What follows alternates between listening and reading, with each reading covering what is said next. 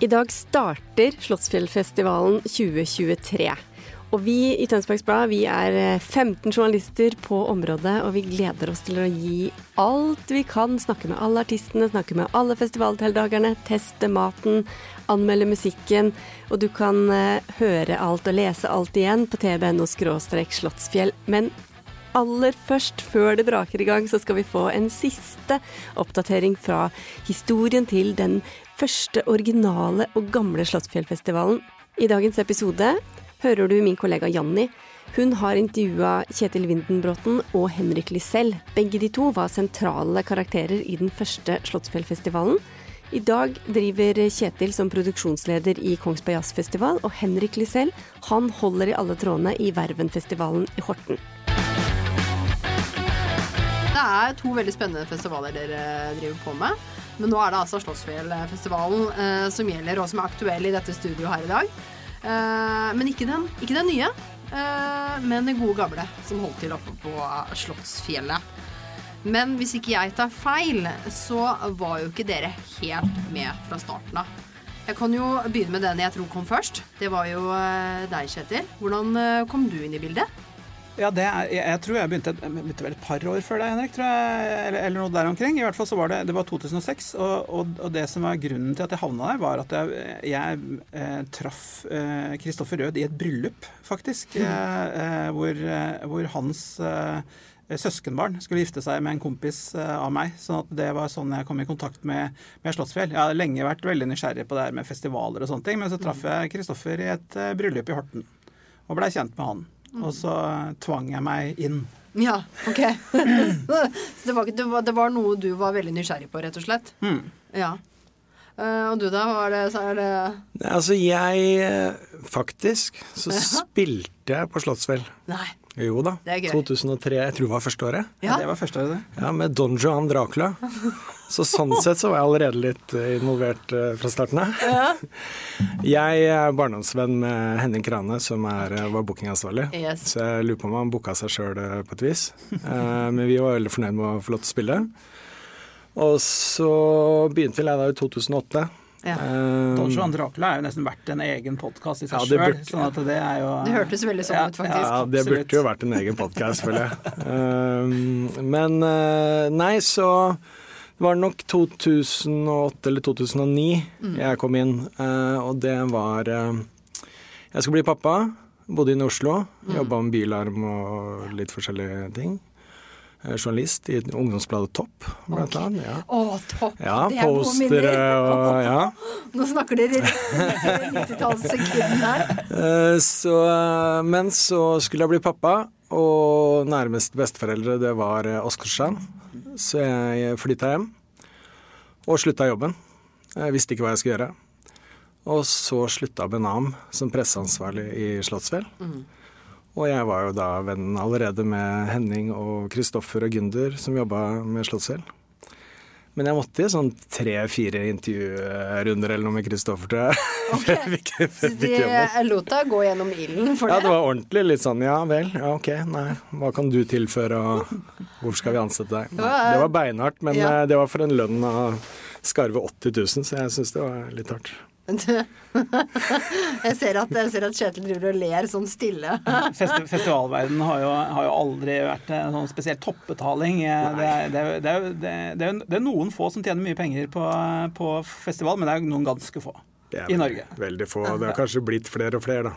Det, det hørtes egentlig litt ut som sånn guttestreker, egentlig. Som de holdt deg gjennom, han og Henrik Rand, og skulle gå gjennom tre intervjurunder. Ja, jeg tror jeg var på tre intervjurunder, faktisk. Men uh, Nei, så var det veldig gøy, så jeg uh, Eh, ble jo ansvarlig, altså presseansvarlig. Ja. Også en sånn birolle, kan man kalle det, med pynt og fjas, kalte det. Pynt og fjas. Ja. Liksom. Gjerne fortell litt mer, for nå, det, nå, er det jo Dere hadde jo to forskjellige ansvarsområder. Uh, du er jo godt i gang uh, med å fortelle hva ditt ansvarsområde er. Pynt og fjas, det var jo kanskje deltidsjobben ved siden av presse, pressejobben. Hva, hva gikk det ut på, egentlig? Først og fremst pynt og fjas. Jeg begynte å fjase. her, Jeg føler meg som litt sånn kreativ type, da, så jeg ønska hele tiden å være med på det som jeg, jeg egentlig ikke skulle gjøre, kanskje. Eh, om- Ikke bare føler deg som, du er du Ja. en kreativ type. Så det ble litt sånn klubbnatt og, og utforming av området og pynt og fjas, rett og slett, som vi kalte det. Og Slottsfjell hadde jo en litt sånn spesiell følelse og form med brukte møbler, lampeskjerm og det som på en måte blei litt sånn Festival-Norge-mal. Så var jo Slottsfjell først utført, jeg det. Eh, og, og ja, jeg likte å være med på det, men hovedjobben min var jo da presse, presseansvar.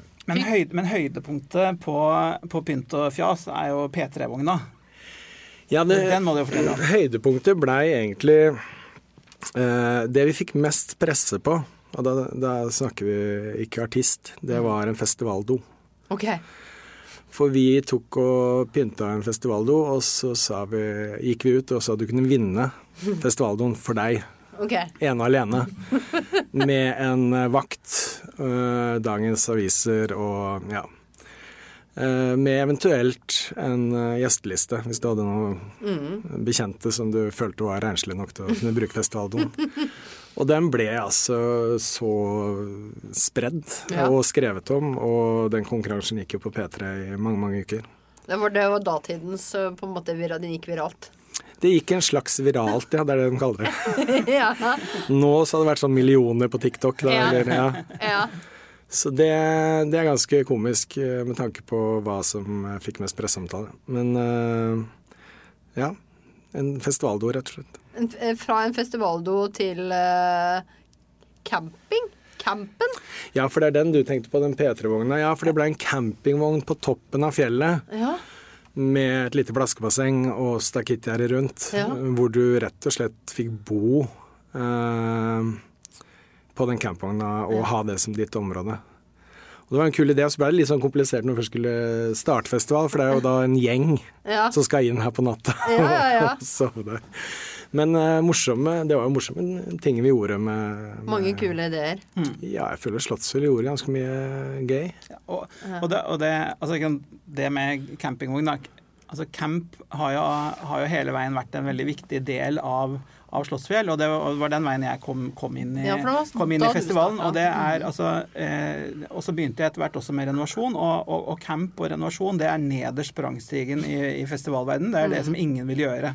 Så det er det som er det som Henrik kom inn og skulle gjøre. Det er jo liksom det er, Jeg måtte ikke gjennom tre intervjurunder. Eh, Det var mer sånn Kristoffer sa 'gidder du?' Ja, ja, ja, ja, da gjør jeg det Ja. da, da skal du få lov til å gjøre det. Så, og, det var, og det var veldig det, det, var, det var veldig fin, fin måte å bli kjent med festivalen på. Selv om jeg da første året så, så var jeg jo faktisk ikke på festivalområdet eh, overhodet. Jeg var bare i, i Gunnarsbøparken, eh, og vi hadde altfor lite folk på jobb. Og det var masse gærne campere som eh, Det var første året campen var gjerda inn. Før det så hadde det funka nesten som en sånn gjestehavn. ikke sant? Sånn der at, det, at det var noen frivillige som gikk rundt og, og løste noen billetter og banka på teltdøra. Så, det, så det, var, det var spennende. 1500 mennesker i, i Gunnarsbergparken. Full fres. Full, full rulle. Og så Men så fikk du jo kara deg til uh, produksjonsprodusent. Ja, etter et, etter et par år så ble jeg utfordra til å ta hovedansvar sammen med min gode kollega eh, Øystein Ronander, eh, og, og ta hovedansvaret for, for, for hele produksjonen. Og, og det er jo, altså enkelt fortalt, så er jo det, så er det rammeverket til festivalen. Eh, eh, alt som handler om eh, gjerder og eh, doer og infrastruktur og vann og strøm, og til scener eh, og telt. Så det er en eh, så, ja, så det er en ganske sånn omfattende greie da, for en stor festival som Slottsfjell. Det hørtes ganske omfattende ut. Ja, du har, ja, du har en liten replikk fra Henrik der. Ja, nei, altså Kjetil jeg, han eh, tok jo med de kjedelige jobbene i starten, og jeg skjønner jo at Kristoffer har bedt på sine knær. Og jeg lurer litt på hvor det hadde vært med oss alle hvis ikke Kjetil hadde vært med. for var, var det noen du var redd for å få kjeft av, så var det Kjetil. Det var det, ja. Ja, ja. Det er han som holdt i Passa på at ting ikke rekte for seg, føler jeg. Jeg holdt han litt i tøylene, sånn at ting liksom Ja, Vi var jo i en overkant uh, kreativ gjeng. Som uh, Og det, jeg tror det er grunnen til at Slottsfjell blei så bra som det blei òg. Fordi vi var Altså, vi blødde for musikk og festen og det å lage noe unikt, da. Og, og den festen blir jo unik hvis du har en gjeng som unikt ønsker en fantastisk fest. Og da er det litt mye armer og bein og, og Litt mye kokker. Ja, og der kom Kjetil inn og fikk Ja. liksom skikk på oss, føler jeg. Og så var det noe av det, noe av det viktigste som, som, som jeg eh, lærte av dere, da, Henrik, det var jo at, eh, det var at jeg, måtte, jeg, jeg måtte også tillate noe av galskapen, for hvis ikke så mista vi magien. Sånn at, det, ikke sant, sånn at vi, vi brukte et par år, eh, Henrik og jeg, med litt sånn tautrekking på en måte i forhold til eh, hva som skulle vinne, var det galskapen eller strukturen? Og så, og så endte vi begge opp at det må være et sted midt imellom. Ja, så dere klarte å finne balanse etter hvert? Ja, vi gjorde det. Ja. Ja da, vi gjorde det. Og det ja, man trengte begge deler. Men jeg tror som sagt den galskapen var eh, det som gjorde Slottsfjell, eh, på en måte. Eh, Veldig, veldig enig, i det. Og, det.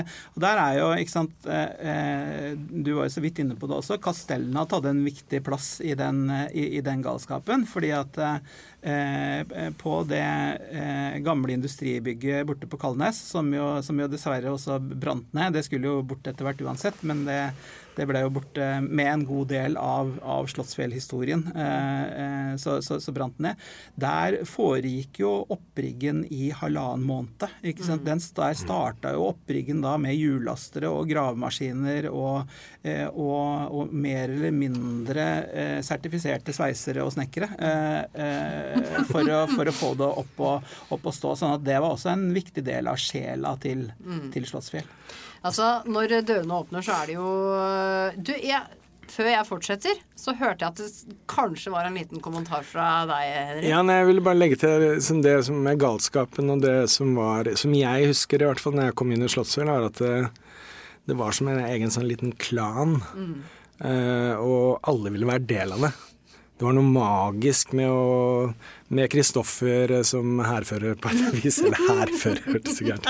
Men altså, det ble en sånn der alle ville være med på både det som skjedde før, og under og etterpå. Ja.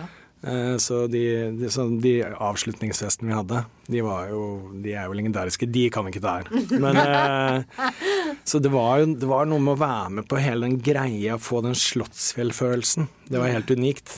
Ja, det, fordi du er jo inne på det jeg skulle, skulle begynne på. Eh, for oss som på en måte bare Ja, de var på Slottsfjellet, var på festivalen. Men for dere som liksom jobba i kulissene og drev med det, så varte jo ikke Slottsfjell bare et, de par dagene. Som du nevnte, det varte i måneder. Eh, lang, lang tid. Eh, det var en følelse, det var en, på en måte en familie eh, som så hverandre opp og jobba sammen gjennom tykt og tynt. Altså morgen til kveld til langt på natt. Eh, kan dere, Har dere på en måte en opplevelse Jeg skjønner at jeg ikke får vite om de festene. Jeg ble veldig nysgjerrig. Men det, kanskje ikke det egner seg helt. Men hvilket år var det på en måte det beste for deg, Henrik? Har du noe Har du en opplevelse du, eller en historie du kan dele fra den tida? Det er vanskelig å kanskje komme med en historie om hvilket år det var, Nei. men uh, It's a blur. It's a blur. Men det er som du sier, det var hele den ramma med å jobbe med Slottsfjellet både før og, og under og etter.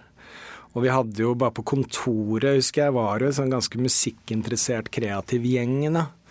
Uh, røyka inne på kontoret, og det var liksom sånn derre Og så husker jeg vi hadde sånn I november så feira vi desember. Så vi hadde et novembertre med pakker. For okay. liksom gjøre november litt gøyere. Ja, enn det det egentlig er. Des Ja. Desember var jo så kul uansett, ikke sant, Ja, med ja. jula og greier, at Ja. man kunne heller ha da desember i november. Ja. Ja. Og så hadde vi en sånn Kledde oss ut, og vi var liksom Det var en kreativ gjeng, da.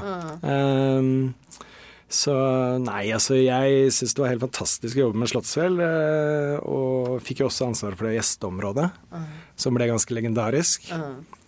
Med ølfontena. Og vi hadde jo intimkonserter med Biffy Clyro og guden veit hvem som spilte på den scenen. Ehm, så det var jo det var unikt. Ja. Mye av det vi fikk til da, føler jeg. Men, altså Unik Ja. galskap. Eh, Du sa jo også i stad, Henrik, at det var jo noen var redd for å få sjef fra. Så var det, så var det Kjetil her. Sidemannen din. Eh, Du Kjetil, kan ikke du uh, fortelle når var det du virkelig måtte fram med pe- pekefingeren, eller når måtte du på en måte nå nå må vi roe oss ned, eller nå det var tid for en liten skyllebøtte? Altså, det, det, der var jo mer altså det var mer en prosess. Det var jo noen, selvfølgelig noen sånne enkeltsituasjoner. Eh, og da handla det jo som, som, regel eh, om at det var en eller annen som ikke hadde tenkt igjennom sitt arbeidsområde. Ja, okay. Og dermed skapte problemer for, for, for, for resten. Ja. altså, ikke sant? Det var jo typisk sånn at plutselig så var det 200 eh, meter med lyslenker som var borte det, fra det som skulle brukes i arenaen. Fordi at mm. noen f.eks. på gjesteområdet hadde helt tilfeldig hadde, hadde, hadde, glemt å bestille lyslenker. Det, det, er, eh, det, er, det, er, en klassisk historie. Mm. Og så er det jo sånn at altså, historien til den første delen av, av, av Slottsfjell-historien handler jo veldig mye om at den, den kreative galskapen som Henrik snakker om, den ble, den ble satt i system, og så nådde på en måte den, den den forrige runden med Slottsfjell et, slags, et, slags høydepunkt da, på et eller annet eh, tidspunkt, som varte igjen sånn tre-fire år eller noe sånt. Nå. Og der er, altså for, for meg så er eh, 2011 For det, når jeg skulle hit, så tenkte jeg jeg må sjekke litt tilbake. Hva var det som skjedde de ulike ja. åra, og så liksom litt på produksjonsplaner. Systematisk, da. ikke sant? Det er jo sånn, sånn, det, sånn det funker. Og da husker jeg lørdagen i 2011 var helt sinnssyk. Eh, på Kongescenen, som var hovedscenen på, eh, på Slottsfjell, det var det var sydenvarmt eh, i, i, i, Tønsberg. Eh, og første artisten som gikk på scenen, var Bernhoft. Eh, som da kalte seg faktisk Jarle Bernhoft, tror jeg han het eh, på den tida. Og da drev han med det opplegget med de loopene sine og ja. sampling som han gjorde live. Ja, det var ikke sant? Og det var Ja, og, det var, og, og, og da hadde eh, Altså, Henning Krane gjorde mange geniale bookinger. Det har ikke han fått eh, nok skryt for. Det, det burde han ha fått masse mer skryt for. Så da får han litt skryt for det. Men den lørdagen var helt, var helt enorm, for den, den starta da med, med Jarle Bernhoft og så var det datarock, og det var første gangen vokalisten i datarock surfa en gummibåt fra scenekanten og opp til mikserstand helt opp i skråningen, og ned igjen. Det er noe av det sjuke Altså nå så skal jo alle gjøre det, men, ja. men det, det, tror jeg er første gang i historien at det, at det, at det skjedde. Og så, eh, litt lenger utpå kvelden på Kongescenen, så var det Erasure som også er liksom en sånn, der, en sånn sjelden perle i, i Slottsfjell-historien. Og så ble det avslutta med Kaizers eh, Orkestra, som, mm. som, som, også hadde en av sine aller største konserter. Så det, så det er sånn det er, det, er, det er, som du er inne på, det er ekstremt mange høydepunkter. Men akkurat den lørdagen i 2011, det er pinadø en dritt av en dag. Ja, det må jeg si noe om når det gjelder den Bernhoft-konserten. Fordi vi snakka da med Vi jo det, kjente jo til de gutta fra Span. Ja. Og Fritt Fridtjof i Span, han gitaristen, han hadde starta et prosjekt som het Container. Mm. Og det var han og Fredrik fra Span eh, som hadde spilt inn eh, 12-13 låter med forskjellige artister. Eh, Maria Mena, han, Unel Kako, Bernhoft. Flere kjente artister. Og de skulle åpne på Kongescenen. Okay. Med container. Med, med, ok. Ja, Og så skulle jo Bernhoft synge på en låt. Ja. Men så ringte han meg og så sa han, å Henrik, kan ikke jeg få lov til å, å spille Jeg kom med en ny soloplate nå. Mm -hmm. Han hadde kommet med en som var litt sånn jazza, egentlig. Ja, så, ja. så sa han kan ikke jeg få lov til å spille på Tårnlund, den minste scenen. Mm. Ja, jeg må høre litt med Henning, og mm. vi prata litt om det. Litt usikre, uh, men OK. Ja. Du kan få en tidlig spot på Tårnlund. Ja, la gå. La gå. Men så ringer Fridtjof, og sier han oi.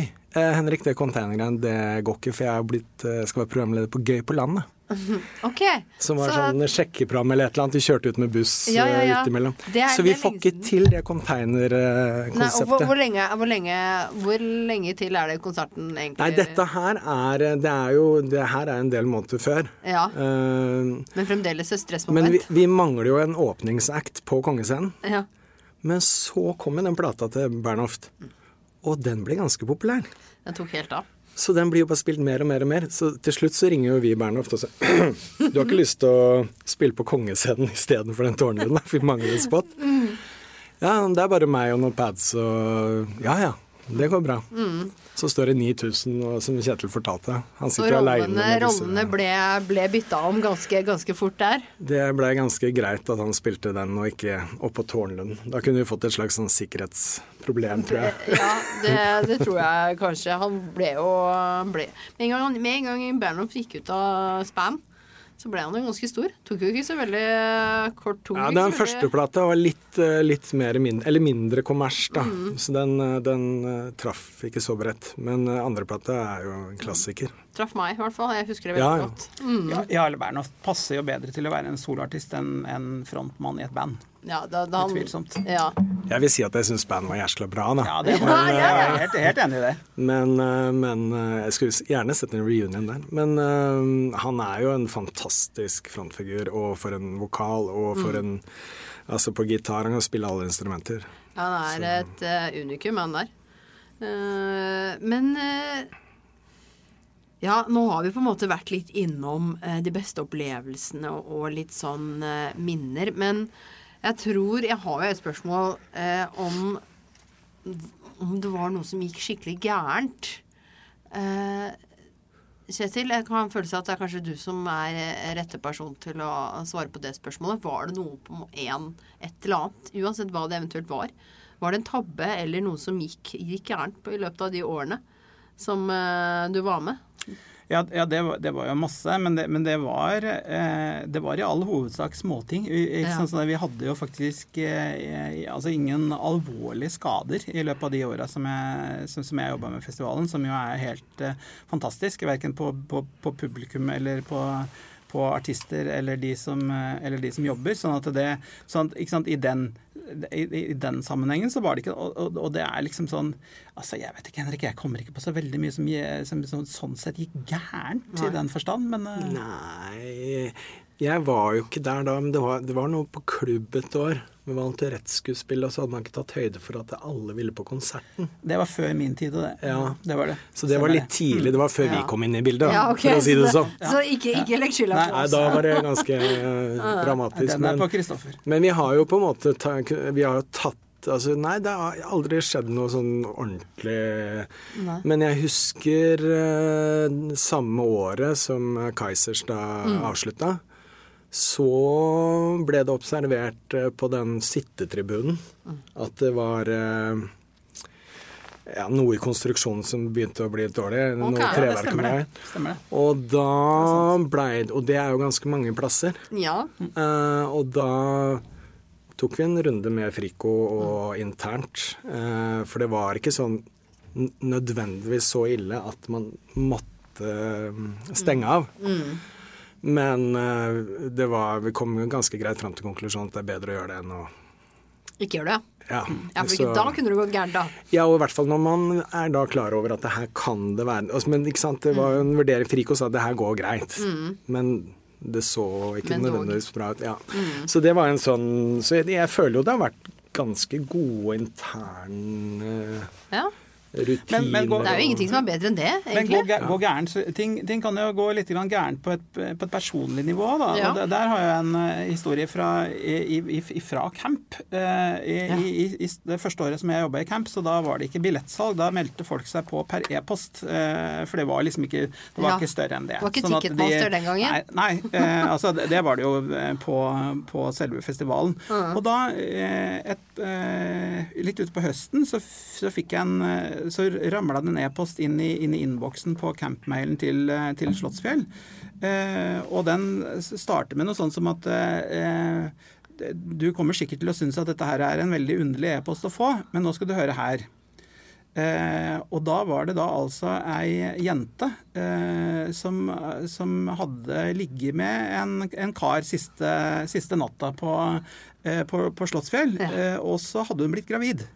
Eh, men, men det, som var, eh, det som var problemet, det var at hun hadde bare fornavnet eh, på, på vedkommende som hun hadde ligget med den siste, siste natta. Så, så, så det hun, som hun spurte meg om, da, om det var noen som helst slags mulighet om vi kunne ettersøke en med dette her eh, La oss kalle han Bjørnar. Han heter ikke Bjørnar, altså. Eh, da, eh, og da hadde jo jeg en Excel-liste med de som på en måte var Som hadde liksom meldt inn teltene, da. Så, så jeg bare søkte da på listene, og så fant jeg to stykker som het Bjørnar. Og så tenkte jeg at det er jo ikke noe er ikke noe gærent i det. Så jeg sendte en henvendelse til begge to og bare fortalte at dette her gjør jo du selvfølgelig akkurat som du, som du vil med, men, eh, men eh, her er den historien jeg har fått da, fra denne jenta. Så går det ikke mer enn tre minutter, så sier det pling. Ja. Og, så, og, og da får jeg da et svar ifra han ene eh, hvor han skriver Som du skjønner, så er jeg nå ganske stressa. For det var jeg som lå med hun jenta siste, siste natta på, på, på, på campen. Men gi henne kontaktinformasjonen min, sånn at eh, hun kan ta kontakt med meg, og sånn vi kan snakke sammen.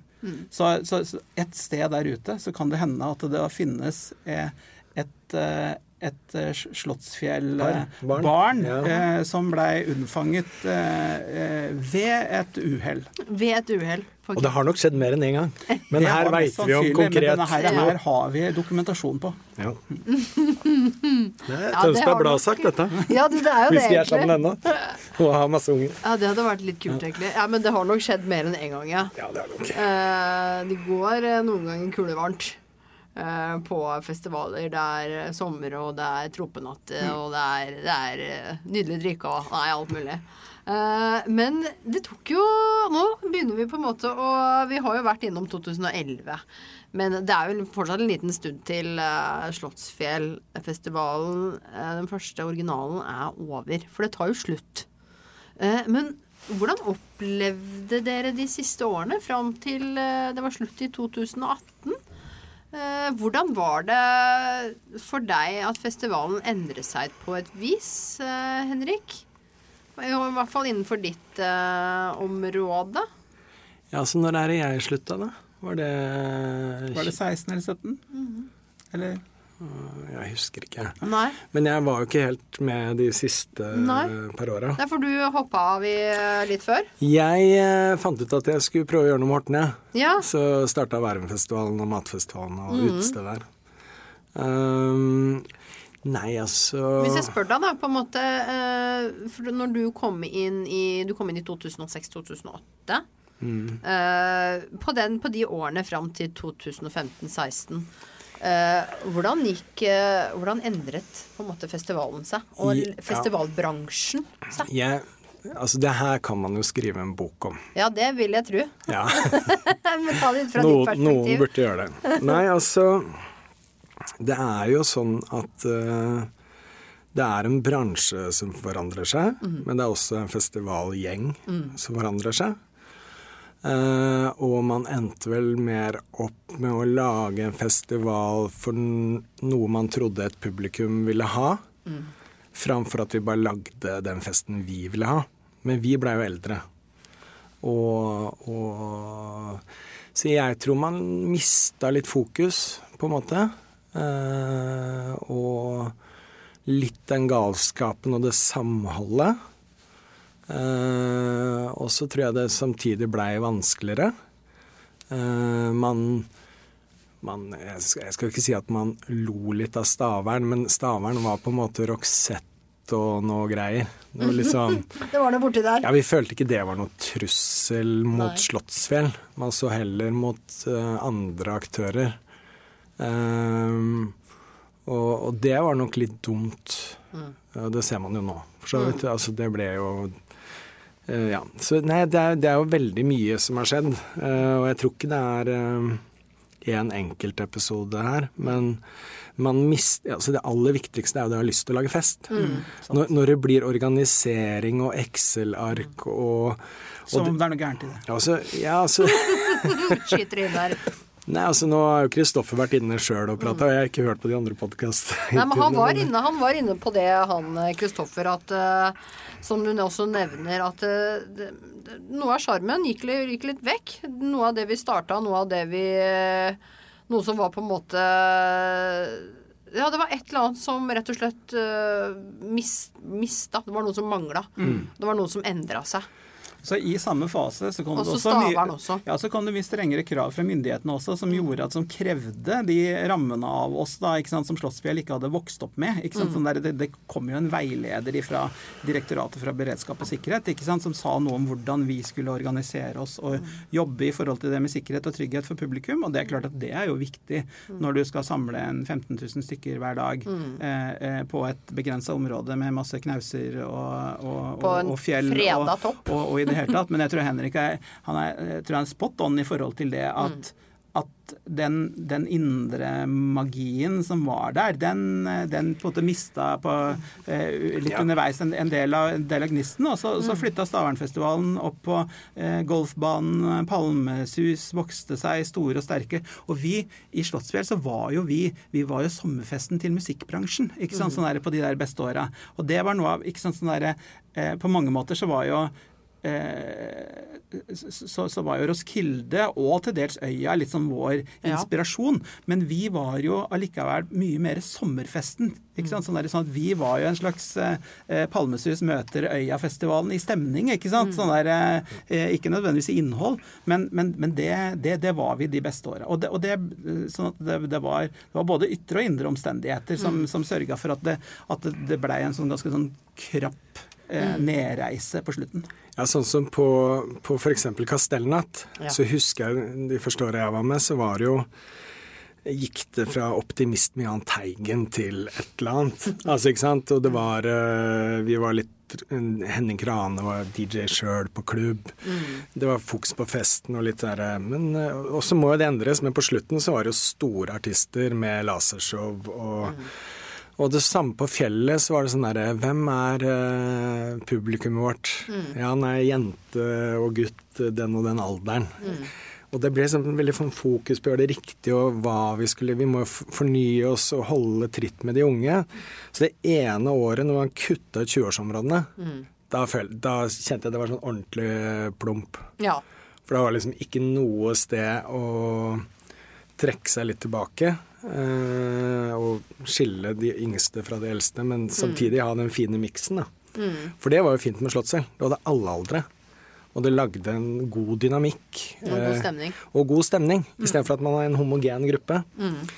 Og jeg husker eh, Da var jeg vel gjest sjøl når The Hives eh, spilte. Ja.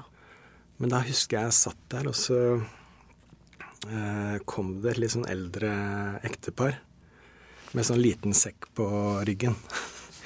og kikka rundt seg. Jeg så de følte seg litt sånn Hører vi egentlig hjemme her? ja, sant. Og satte seg ned og kikka rundt, og så Nei, vi går videre, reiser opp og børsta av seg rumpa. Det var ikke det de 18-åringene drev med, det er bare å rulle i gresset. Og så gikk de, og så tenkte jeg Nei, så gikk jeg frem mot uh, The Hives-konserten, det var en veldig god plass. Du kunne gå rett fram Ja. til å stå, kunne stå foran. eh. Og da hørte jeg noen ungdommer si Oi!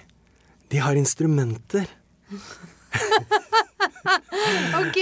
Uh, wow! Ja, det er litt dårlig lyd, da, men gøy at de spiller sjøl, da. Ja. Ikke sant. Uh, så da hadde det jo skjedd Da hadde jo The Hives, hvis vi kunne hatt de på verven nå, så hadde jo det vært helt Det var det. Det hadde vært magisk. Og, så man tråkka liksom lenger og lenger ut det yngre publikummet som spøy på vei inn klokka Ja. to. Det ble noe ugjenkjennelig ved det hele, på en Ja. måte. Fra det det, det det starta som. I hvert fall for den indre kjernen, vil jeg tro, ut ifra det du forteller, og det som eh, Øystein Ronander og Kristoffer eh, har fortalt meg.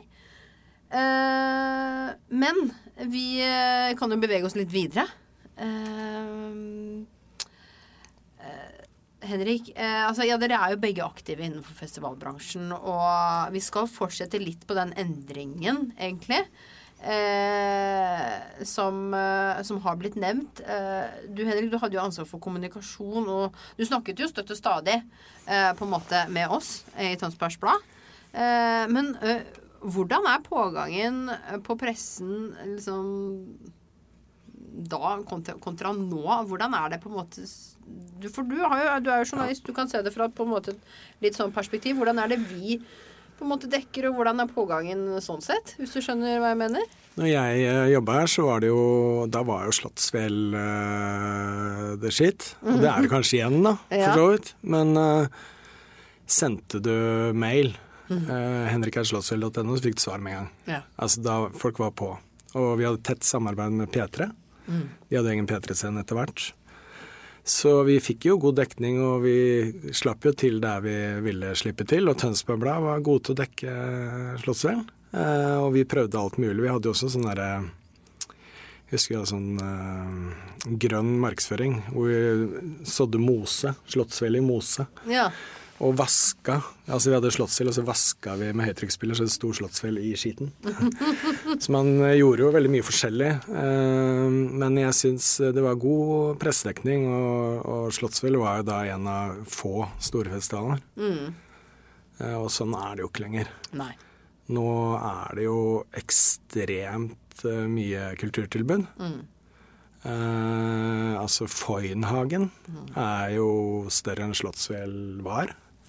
Sikkert i antall publikummere gjennom sesongen. Det er Slottsfjell, ja, Foynhagen har, eh, har virkelig Det er jo altså Det er jo den største kulturarenaen, Ja, eh, egentlig, langs, eh, langs kysten. Vil, eh, kan jeg påstå. Ja, så har de jo Postgirobygget, og så har de slengt på en liten Kiss-konsert. Ja, litt på, litt på, ja, de begynte litt sånn smått med, med, med Altså, hva holder jeg på å si Tom Cruise, men jeg mener Tom Jones. Tom Jones, ja. Uh, ja. Uh, og så er det jo litt sånn Det er jo noen store stjerner som kommer inn der. Uh, men det har jo også noe med at på leverandørsida så har også Live Nation kommet inn også.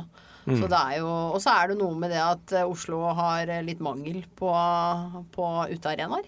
Og da altså er det jo en Sånn som nå som Slåssfjell har kommet til en helt ny drakt ut på Kalnes-sida. Da er det 107 000 kvadratmeter.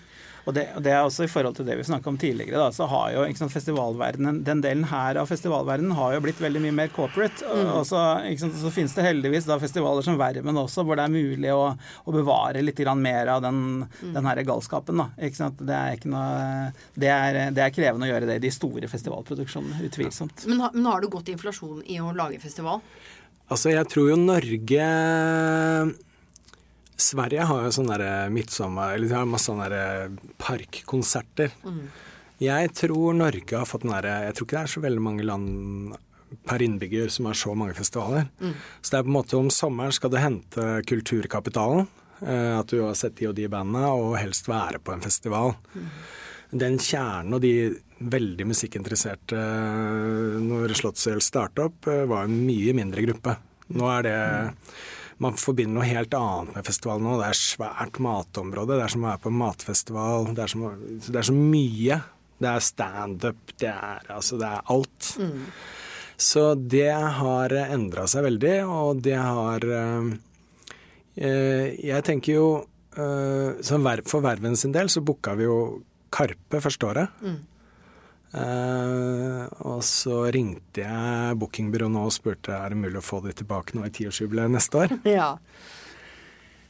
Svaret der var Det var litt humring. Ja, det var det, ja. Uh, der er det jo Altså, det er så dyrt, og det er jo helt umulig. Og de var fullbooka ut 2025. ja. Eh, så det har jo endra seg Altså de artistene Alle artistene har dobla, tredobla seg. Også de gamle, gode, kjære, kjente. Og så er det jo Altså tredobla seg, dobla seg i enten eh, i pris Ja, i pris. Altså sånn hvis man sjekker si standardband som CC Cowboys og DumDum Boys, da. eh, er jo band som Også ikke minst da nye, og Karpe har en ekstremt vekst. De selger jo ti ganger Spektrum, så skjønner man jo det. Men de er jo også på europaturné. De er jo det, mm. som er jo en kul eh, gimmick. Eh, De, men så er det jo Man skal jo ikke se bort ifra at eh, musikk musikken som kommer fra Norge eh, nå, er jo ekstremt bra. Ekstremt høyt nivå. Og det er eh, like dyrt å booke mange av de store norske bandene som utenlandske band. Det har jo skjedd en endelig stor endring i, i Musikk-Norge Ja. bare de siste fem, fem åra.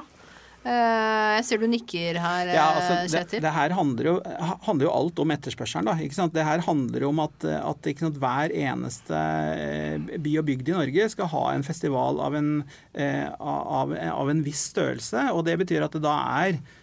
Da er etterspørselen etter CC Cowboys og DumDum Boys er så høyt at, at prisen går opp. Det er, sånn, det er jo det er kapitalismen eh, liksom i praksis. Eh, ganske enkelt det. Og, og da er det eh, det, det, det er mye seifere å booke DumDum Boys enn et internasjonalt band som har samme type standing i Norge.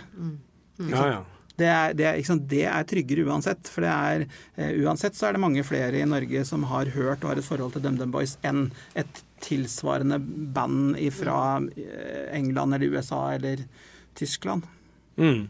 Jeg er helt enig med Kjetil og etterspørselen, og så er det jo og så er det, altså På Verven sin helg så er det jo ekstremt mye festivaler.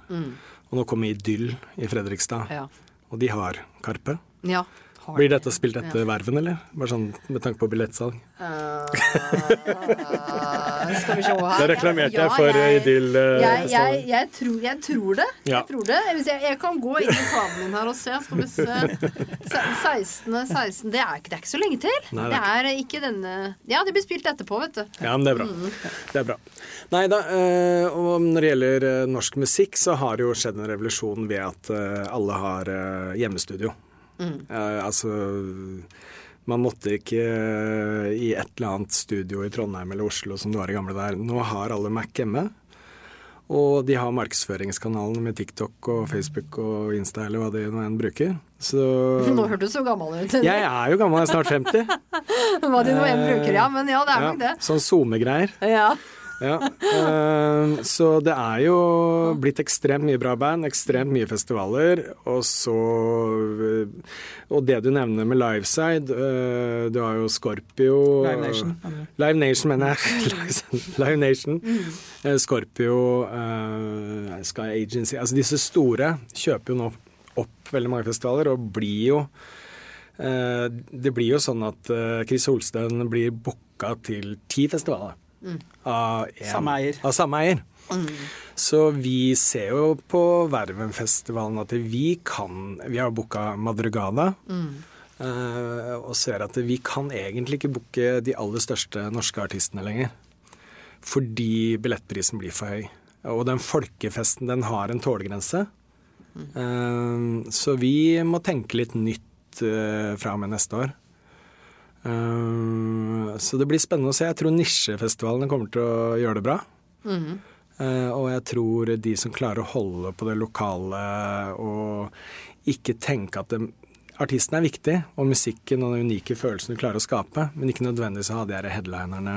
Da må det da til Må det på en måte være en liksom grasrotopposisjon, da? På en måte mot det, det corporate greiene for at nisje og Verven og ikke nødvendigvis Kongsberg, det er jo en helt annen profil, eh, for at de skal bestå. På en måte, fordi det, altså, Den lille mannen i gata mot Wall Street, da, føler jeg egentlig at uh, det begynner å bli. Det er, en, det er en- bra sammenligning, det. Og så er jo Kongsberg Jazzfestival Vi gjør jo også eh, to store poprock-scener i tillegg. fordi at vi er jo også, sant, vi er jo også folkelivsfestivalen på, på Kongsberg. Ikke bare en, en, smal, en smal klubbfestival. Men jeg tror, jeg tror analysen til Henrik er spot on. Og så tror jeg at fordelen er jo da at eh, det gir også rom for at at andre artister eh, kan, kan vokse fram i det her, da, som også du er inne på, Henrik. Det der på en måte med hjemmestudio, og man har på en måte sine egne enklere tilgang på egne markedsføringskanaler enn det man hadde før. Da måtte man ha plateselskap og promobyrå og, og alt sammen, og det kosta masse penger. Nå så er det lettere tilgjengelig, men så er det jo, det er jo vanskeligere å nå gjennom i støyen.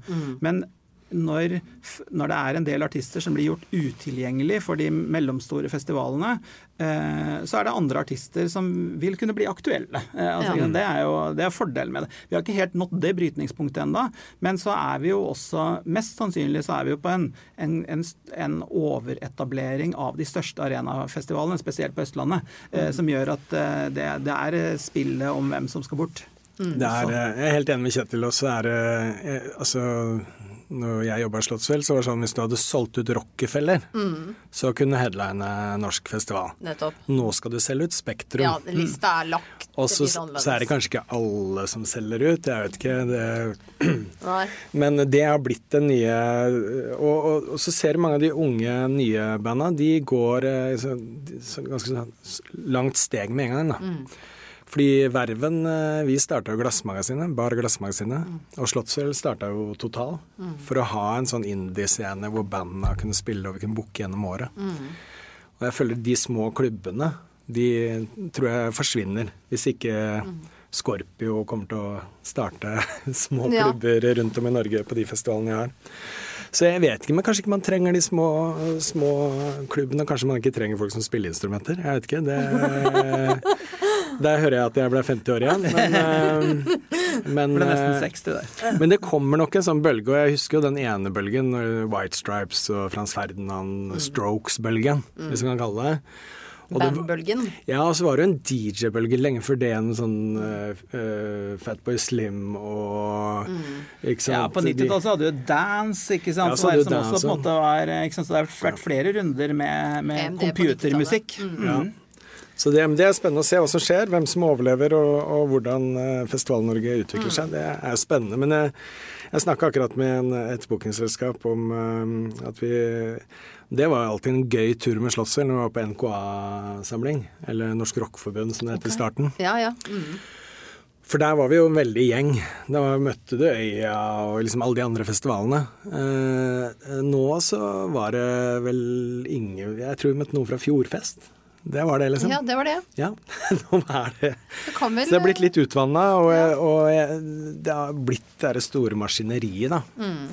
Så det spørs om man finner tilbake til den der galskapen og sånn det var når Slottsfjell eh, var på sin- sitt høydepunkt. Da. Men, men det som jo er veldig Altså veldig bra for Tønsberg eh, at, at Slottsfjell er blitt eh, blåst til liv igjen, og at det er en del av, eh, av Live Nation sitt, sitt, sitt nettverk, gjør jo at man har jo tilgang på, på de store artistene. Og, og, og, og Tønsberg som by bør jo absolutt ha en, en festival av det formatet. Eh, og, og det, er jo, sant, det er jo den tradisjonen som blei starta tilbake i 2003, eh, hvor Tønsberg var da faktisk en av de aller første eh, mellomstore byene som hadde en festival av det av det formatet. Og det Eh, kaliberet. Ja, ikke sant? Så, sånn at det, ikke sant? det var jo egentlig bare eh, kvart i provinsen, om man kan si det på den måten, som, som, som, hadde, eh, som hadde hatt en, en, en festival med, med internasjonale headlinere. Sånn at det at, eh, det at nå eh, Jon Terje og Toffen og, og, og gjengen tar den stafettpinnen og tar på en måte ansvar for, eh, for å lage stor festival i, i Tønsberg, det er, jo, det er jo helt fantastisk. Og, og derfor fordi at man er en del av eh, Live Nation-nettverket, så er jo det en, en, en mulighet til å overleve. Jeg tror vi er inne på et tema her som vi kan uh, snakke veldig lenge uh, og mye om. Men uh, det var altså en æra som dere var med på å starte. Som gikk over i en ny periode. Eh, og nå er det det store maskineriet. Vi får, får, vi får vente og se. Det er kanskje et brytningspunkt som eh, kommer eh, litt lenger der framme, Kjetil og Henrik. Det blir eh, Ja, altså, tiden vil vise. For nå, den tiden, nå, er det, nå er det tiden inne for å avslutte. Så jeg eh, takker så mye for at dere tok deg tid. Dere tok dere tid til å komme hit i studio i dag. Og så må jeg ønske dere lykke til videre med hver deres eh, festival.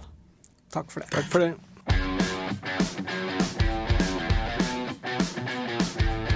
Du har hørt Slottsfjell, en podkast fra Tønsbergs Blad. Det er Janni Elena Hvitsten Evensen som har laget denne episoden. Marie Olaussen er produsent, og vår ansvarlige redaktør er Sigmund Kydland.